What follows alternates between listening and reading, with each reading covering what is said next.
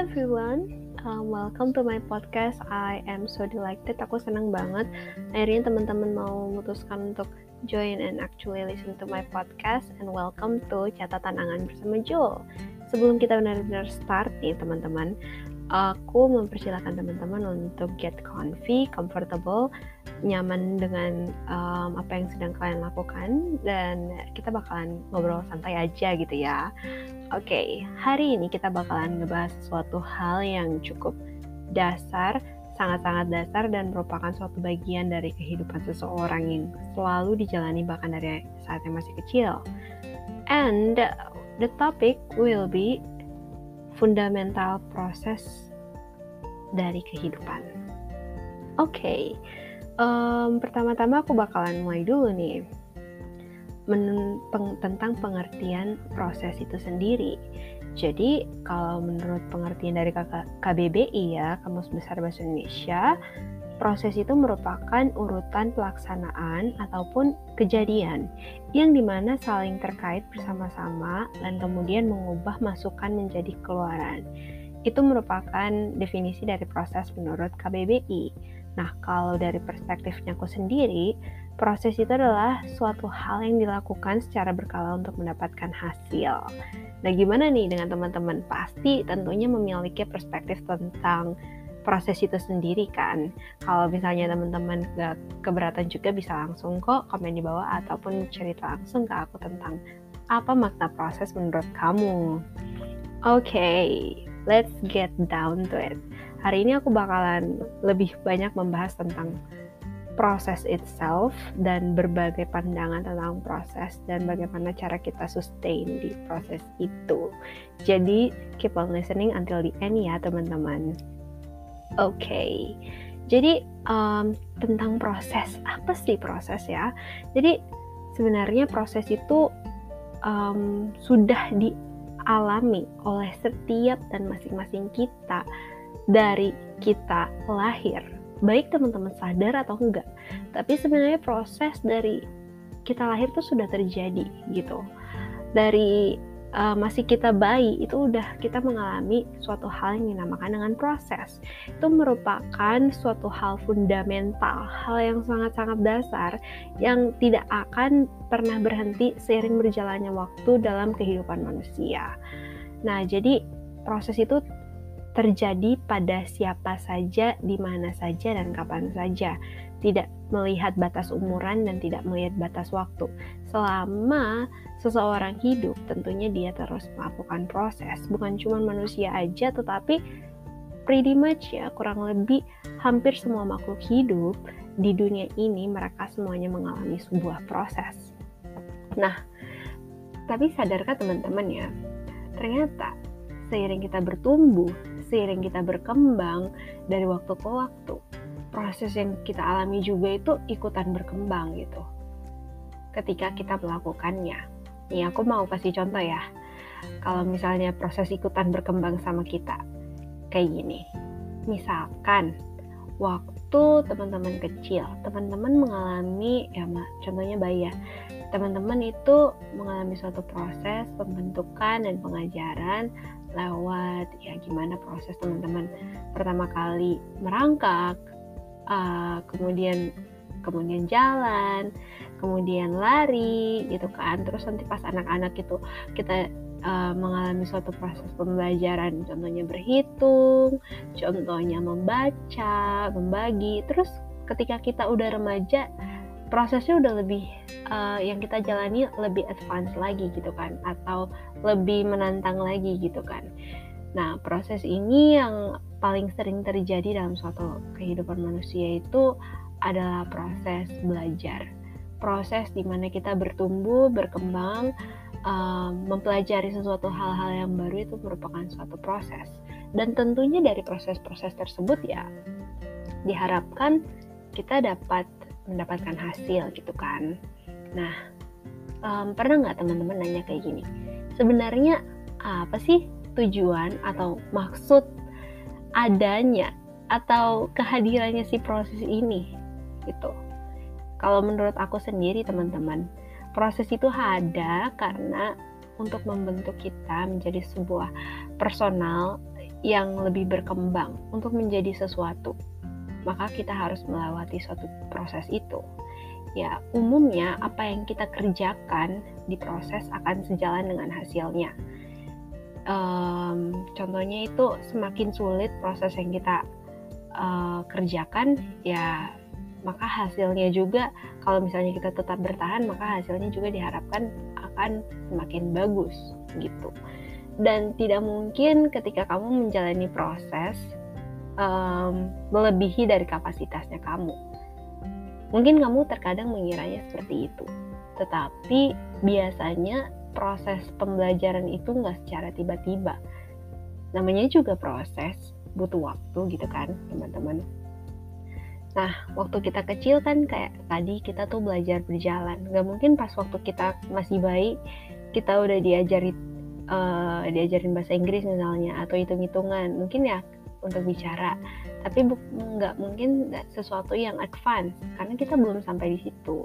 Jadi biasanya proses itu menyesuaikan juga dengan perkembangan kita kesiapan kita. Apakah kita sudah siap to go on to the next level? Ya kayak gitu deh. Dan biasanya um, dari proses juga akan sangat menentukan hasil. Kayak gitu kenapa aku bilang kayak gitu? Karena biasanya apa yang dikerjakan itu kalau misalnya kita kerjakan dengan baik akan sejalan dengan hasilnya juga. Hasilnya juga kita harapkan bakalan baik gitu kan. Contohnya teman-teman ya aku kasih sebuah ilustrasi. Misalnya teman-teman ngebuat odading nih eh uh, mau rencana mau ngebuat odading pakai adonan odading. Ya kalau menjalani proses odading tentu bakalan jadinya odading kan? Gak mungkin bakalan jadi high class cake yang kayak Japanese cheesecake gitu kan? Pasti bakalan jadi odading kayak gitu.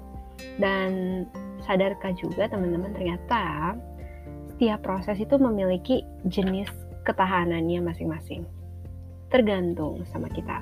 Apakah kita mau menjalaninya atau enggak semuanya itu balik lagi sama kita. Apakah kita bakalan bertahan, apakah kita bakalan diam aja, ataukah kita bakalan menghindar? Kalau misalnya kita bertahan dan kita tetap kerjain, tentunya kita bakalan mendapatkan hasil. Tapi kalau misalnya kita diam, misalkan kita nggak mau kerjain, ya maka kita nggak bakalan ngedapatin hasil yang kita inginkan gitu kan.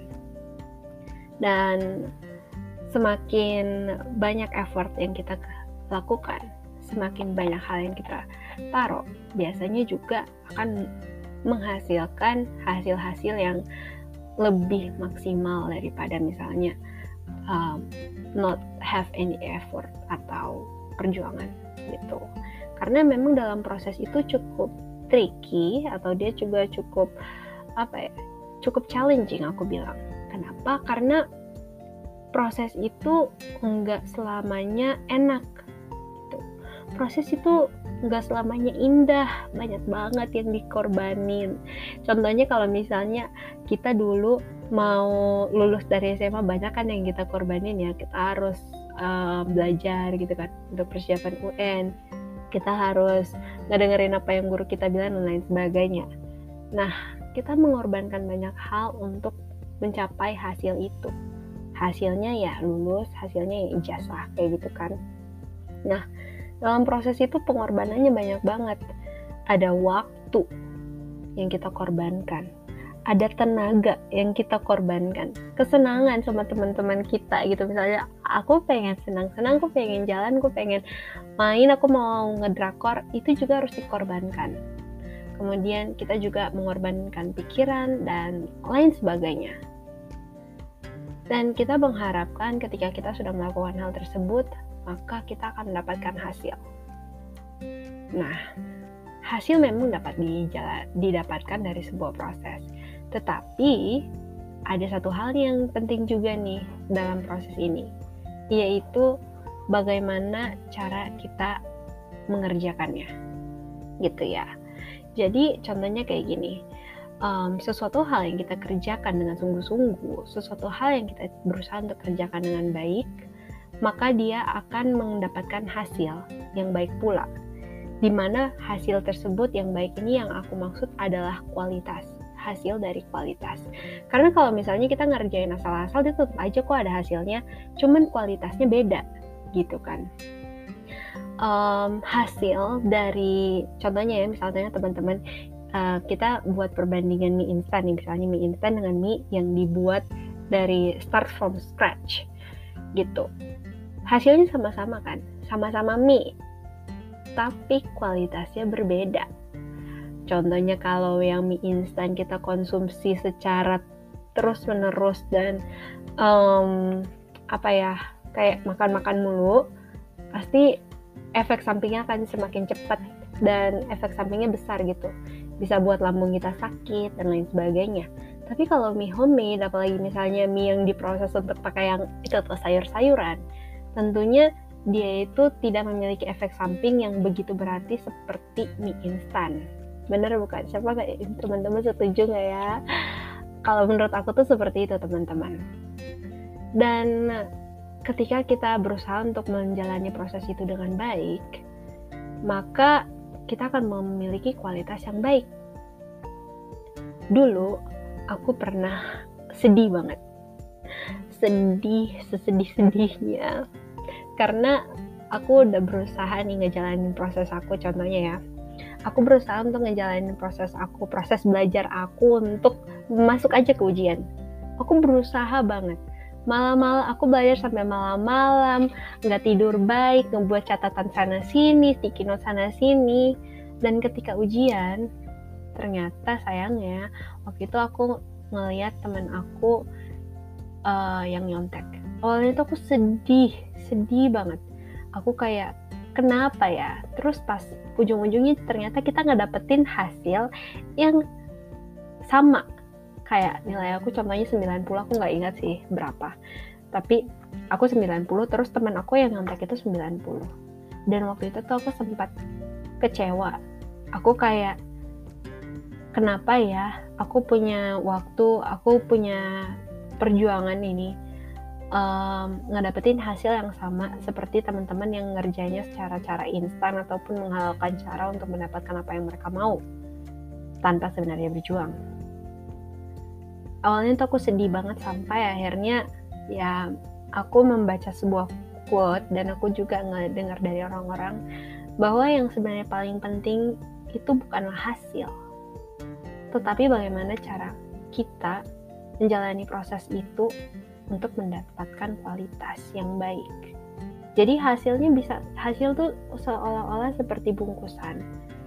Tetapi dalamnya itu merupakan kualitas. Jadi kalau misalnya um, kita kerjanya secara asal-asal, kerjanya secara instan, kerjanya dengan cara yang oke, okay, kita menghalalkan segala cara untuk mendapatkannya, memang kita bakalan mendapatkan hasil. Bisa aja hasilnya kelihatan baik, bisa aja hasilnya sama dengan teman-teman yang udah berjuang mati-matian tapi kualitasnya beda. Jadi buat teman-teman yang mungkin pernah juga atau mungkin sedang menjalani uh, ataupun merasakan apa yang aku dulu rasakan, teman-teman harus tetap tegar dan tetap terus berbuat baik.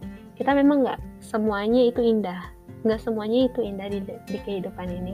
Pasti ada challenge-nya, ya. itu adalah challenge. Bagaimana juga cara kita menerima, bagaimana caranya kita untuk mendewasakan diri untuk bilang, hey, I'm gonna do my best. Aku bakalan melakukan yang terbaik dalam proses ini. Yang penting itu bukanlah hasil akhir.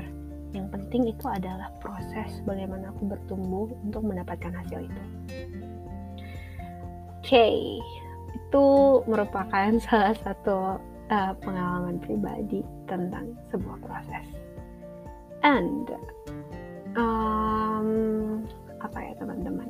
Ketika kita menjalani proses, ada salah satu kunci yang menurut aku harus diutamakan juga nih teman-teman. Penting untuk diperhatikan. Yaitu untuk kita enjoy the process. Atau gimana ya kita menikmati proses itu yang kita jalani. Supaya kita bisa sampai di finish line. Ibaratnya proses kemudian kehidupan itu sebagai suatu perlombaan. Di mana kita semuanya berusaha untuk mencapai goal-goal tertentu, finish-finish line tertentu dalam kehidupan kita masing-masing. dan kalau misalnya kita ingin mendapatkan hal tersebut maka kita harus tekun kita harus tetap gigih terdapat dalam proses itu. Gimana caranya? Yaitu kita harus enjoy kita harus senangi proses ini. Jangan cuman mengeluh-mengeluh jangan cuman di bawah stres apalagi jangan karena hal-hal tersebut tidak akan menolong. Bahkan satu inci pun dia nggak menolong. Kalau kita dalam menjalani prosesnya nggak di enjoy tapi dikeluh kesahkan kita uh, apa ya marah-marah di bawah stres percaya itu nggak bakalan nggak bakalan maju. Kita bakalan di situ aja. Bakalan apa ya ibaratnya kalau misalnya mau jalan di mobil ya kita bakalan mogok aja di situ. Gitu loh teman-teman jadi kita harus tetap gigi kita harus tetap put our our eyes to the front ya taruh pandangan kita itu selalu ke depan dan bilang aku mau maju aku nggak mau terus ada di keadaan ini terus. Aku tahu prosesnya sulit tapi aku akan terus menjalaninya dan terus melakukannya aku tahu dan aku percaya bahwa teman-teman pasti bisa melakukannya sama seperti mungkin teman-teman pernah lihat atau sering banget lihat di televisi, lihat di uh, ya sosial media atau di mana-mana, itu pasti banyak ngeliat orang sukses. Nah, aku juga sering kayak gitu teman-teman. Aku sering membaca, nonton tentang orang-orang sukses. Dan dari semuanya itu aku menyimpulkan bahwa orang-orang tersebut ya orang-orang sukses itu adalah orang-orang yang bertahan sampai akhir dalam perjalanan proses itu dengan baik. Dan tidak ada satu orang pun di dunia ini yang ketika mereka lahir, mereka udah langsung sukses. Mereka melewati berbagai macam tantangan, berbagai bentuk proses, yang macam-macam deh bentuknya. Dan mereka survive atau mereka bertahan di situ sampai akhirnya mereka menjadi orang sukses. Um, tetapi dalam perjalanan itu juga nggak se seenak yang kita lihat sekarang wah udah sukses gitu ya mereka juga mengalami banyak kegagalan, banyak penolakan, tetapi mereka nggak menyerah, mereka tidak menyalahkan keadaan, tetapi jadikan itu pelajaran untuk uh, bangkit dan terus berjuang melakukan uh, yang terbaik dalam proses itu ada satu cerita, ada satu inspirasi yang cukup besar juga yang aku lihat. Uh, kalau teman-teman tahu tentang Andi Noya, um, saya sangat terinspirasi dari beliau dan waktu itu aku juga uh, pernah ngebeli bukunya beliau. Jadi beliau ini kalau teman-teman tahu di Metro TV itu kan ada acara yang cukup terkenal tuh namanya Kick Andy. Nah aku tuh sering nonton karena um, Andi Noya atau presenternya ini dia sering membawakan cerita tentang uh, kisah hidup masing-masing apa ya orang-orang tamu undangan yang menginspirasi ke acaranya. Terus dia pernah ditanya gitu kan kayak Andi kamu udah selama bertahun-tahun ini membawakan kisah inspiratif dari kehidupan orang. Kenapa kamu nggak mencoba untuk menceritakan kisah inspiratif dari kehidupan kamu?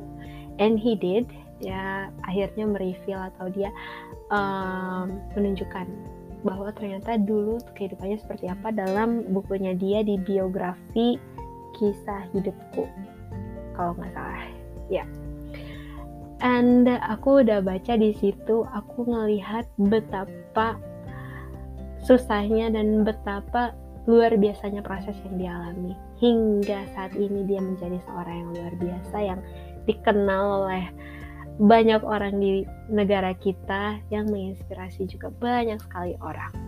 Dan dari kisah itu pun aku semakin termotivasi untuk tetap tekun menjalani proses. And I hope you guys will do too. Ayo teman-teman jangan menyerah proses tentang proses ini. Proses itu seperti uh, apa ya? Seperti hujan. Terus hasilnya tuh seperti rainbow. Jadi jangan pernah khawatir saat ada badai-badai kehidupan yang teman-teman hadapi sekarang aku tahu tuh kelihatannya kayak suram eh suram gelap aduh aku nggak tahu nih kayaknya aku hilang deh kayaknya aku lost deh coba tetap terus dijalani dan maka kamu akan mendapatkan pelangi-pelangi di ujungnya. Tetap setia menjalani proses itu, teman-teman. Nah, untuk terakhirnya nih, um, bagian terakhir, aku mau ngasih beberapa tips. Gimana ya cara kita untuk tetap berada dalam proses ini? Bagaimana cara kita untuk terus enjoy the process ya, Jul ya? Gimana ya? Oke, pertama aku mau kasih tips ini yaitu untuk mengenali diri sendiri dan goal yang ingin teman-teman hasilkan. Jadi goal masing-masing orang kan berbeda-beda. Kita nggak bisa menyamakan diri kita dengan orang lain. Kita adalah seseorang yang unik, yang berbeda, yang spesial. Dan kita memiliki goal kita masing-masing. Nah, bagaimana kemudian ketika kita ada goal itulah yang kemudian dapat membuat diri kita mau berada di dalam proses itu selanjutnya tips kedua aku mau ngasih teman tahu teman-teman yaitu untuk memaksimumkan potensi dan selalu melakukan yang terbaik. About being the best juga aku bakalan ngebahas di podcast selanjutnya kalau teman-teman mau dengerin juga. You are so welcome to come. Tapi tips kedua yaitu untuk memaksimumkan potensi yang teman-teman miliki. Supaya uh, uh, ketika teman-teman memaksimumkan potensi, maka teman-teman akan semakin uh, terbentuk personalitasnya, kualitasnya akan semakin terbentuk karena itu adalah hal yang penting untuk mendapatkan kualitas hasil kualitas yang baik. Kemudian, yang ketiga yaitu be in the middle atau jadilah di tengah-tengah di di mana kamu bisa melihat ke atas dan melihat ke bawah, yaitu melihat ke atas melihat ke atas itu seperti melihat orang-orang sukses dan terus terinspirasi akan mereka dan terus pengen keep on moving forward. Dan kenapa aku juga bilang be in the middle untuk melihat ke bawah yaitu ketika melihat ke bawah itu ketika misalnya teman-teman ngerasa aduh proses yang aku jalani saat ini kok sulit banget gitu ya. Coba teman-teman melihat ke sekelilingnya teman-teman belum tentu teman-teman merupakan orang yang paling sulit di antara orang-orang di sekitar teman-teman. Ada teman-teman di luar sana yang kurang beruntung, yang tidak bisa mendapatkan jalan seperti yang teman-teman dapatkan hari ini. Jadi cobalah bersyukur dengan apa yang teman-teman punya dan usahakanlah itu untuk terus berada dalam proses ini teman-teman. Oke, okay, dan tips yang berikutnya yaitu surround yourself atau kelilingilah diri kamu dengan positivity, dengan orang-orang yang membangun, dengan orang-orang yang selalu mensupport kamu. Karena kalau misalnya kita mau survive, kita mau tetap bertahan, kita harus terus memiliki uh, positive thinking dan positive thinking itu juga bisa dibangun lewat orang-orang di sekitar kita yang bisa membantu kita untuk berkembang karena kalau misalnya kita berada di lingkungan yang justru menjatuhkan kita, tentunya kita nggak akan suka dalam uh, berada dalam proses itu, bahkan bisa terpengaruh. Terpengaruhnya ya bisa terpengaruh ke pengaruh yang kurang baik itu kan teman-teman. Jadi yang harus teman-teman lakukan adalah surround yourself with positivity. Nah mungkin kayak pertanyaan kamu, tapi Jul aku udah terlanjur nih berada di lingkungan kayak gini it's never too late to try something new. Mungkin teman-teman bisa membatasi diri, bukan berarti menjauhi, tetapi membatasi. Kayak, oke, okay, I need to take time, aku mau seperti ini, aku mau berproses, aku mau berkembang, aku mau mendapatkan kualitas yang baik. Maka aku harus berjuang juga, aku harus surround myself, aku harus mulai bergaul dengan teman-teman yang membawa positive thinking. Bukan berarti um, kita harus langsung menjauhi terus pilih-pilih. Enggak enggak seperti itu. Tetapi kita harus menjadi lebih bijak lagi dalam bergaul. Oke okay. itu untuk tips-tipsnya. Itu adalah tips-tips bagaimana kita mau enjoy the process and everything sekarang kalau misalnya mungkin teman-teman kayak gini tuh jual aku tuh udah ngejalanin proses. Tapi kadang aku mau menyerah believe and trust me hampir setiap orang yang aku tanya mereka juga sering bilang kayak gitu. Dan aku bahkan sering juga berpikir kayak gitu teman-teman. Nah aku mau kasih another tips buat teman-teman yang kalau misalnya lagi ngejalanin proses ngerasanya kayak aduh sulit banget jual sulit banget kayaknya aku mau nyerah deh Pertama, aku mau kasih tips buat teman-teman. Pertama, tanyakan dan ingatkan sama diri kamu alasan kamu mau mulai. Alasan kamu mau mulai the journey of life, the journey of this process itu untuk apa? Untuk siapa? Pertama diingatin dulu sama diri kamu. Kayak selama ini aku udah ngejalanin proses ini sejauh ini untuk ini dan aku sudah ada di titik ini aku nggak bakalan menyerah. Itu adalah apa ya? Um, build self up gitu. Jadi dari diri kamu dalam diri kamu. Dalam diri kamu tuh harus ada itu. Karena kamu, dari diri kamu harus ada dulu baru nanti kamu disupport sama orang lain. Jadi dari diri kamu kalau misalnya udah merasa ingin menyerah ingatin lagi alasan kenapa kamu mau mulai. Yang kedua, ini a little bit funny, but it actually work ya. Ini sedikit uh, lucu, tapi menurut aku ini sangat-sangat ampuh banget. Yang kedua, yaitu selalu memiliki imaginary future you. Jadi kayak bayangin sama diri kamu di masa depan gitu. Kayak bilang sama kamu, hey hey, kamu jangan berhenti sekarang, kamu bakalan jadi ini loh, ayo terus berjuang kayak gitu loh. Terus berterima kasih sama diri kamu, makasih diri udah mau berjuang, udah mau merelakan kesenangan kamu untuk mendapatkan ini.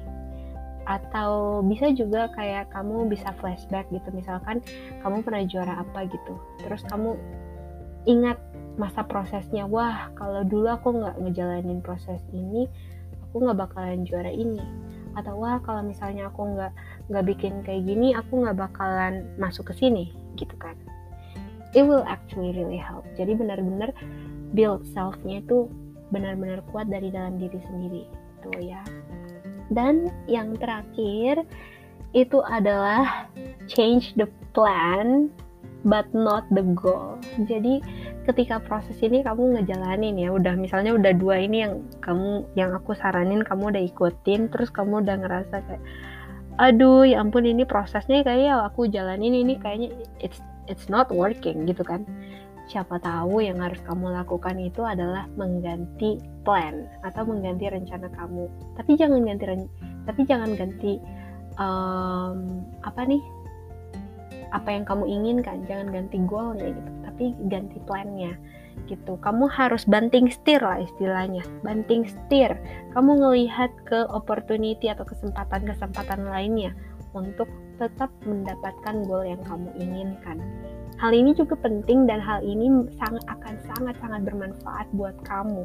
Karena ketika kamu berusaha untuk change the plan atau kamu berusaha untuk mengadaptasikan diri sama sesuatu yang baru dengan mengganti uh, apa ya mencari kesempatan-kesempatan lain kamu bisa sekaligus menjadi orang yang lebih kreatif karena kamu melihat oh kayaknya ini ada peluang di sini sini kalau gitu aku bisa buat ini dan itu terus kamu juga bisa sekaligus menjadi inovatif, kamu bisa menjadi unpredictable dan kamu bisa menjadi orang yang lebih berkembang gitu, unstoppable. Asik banget ya. Jadi kayak gitu istilahnya sekali mendayung dua tiga pulau terlewati.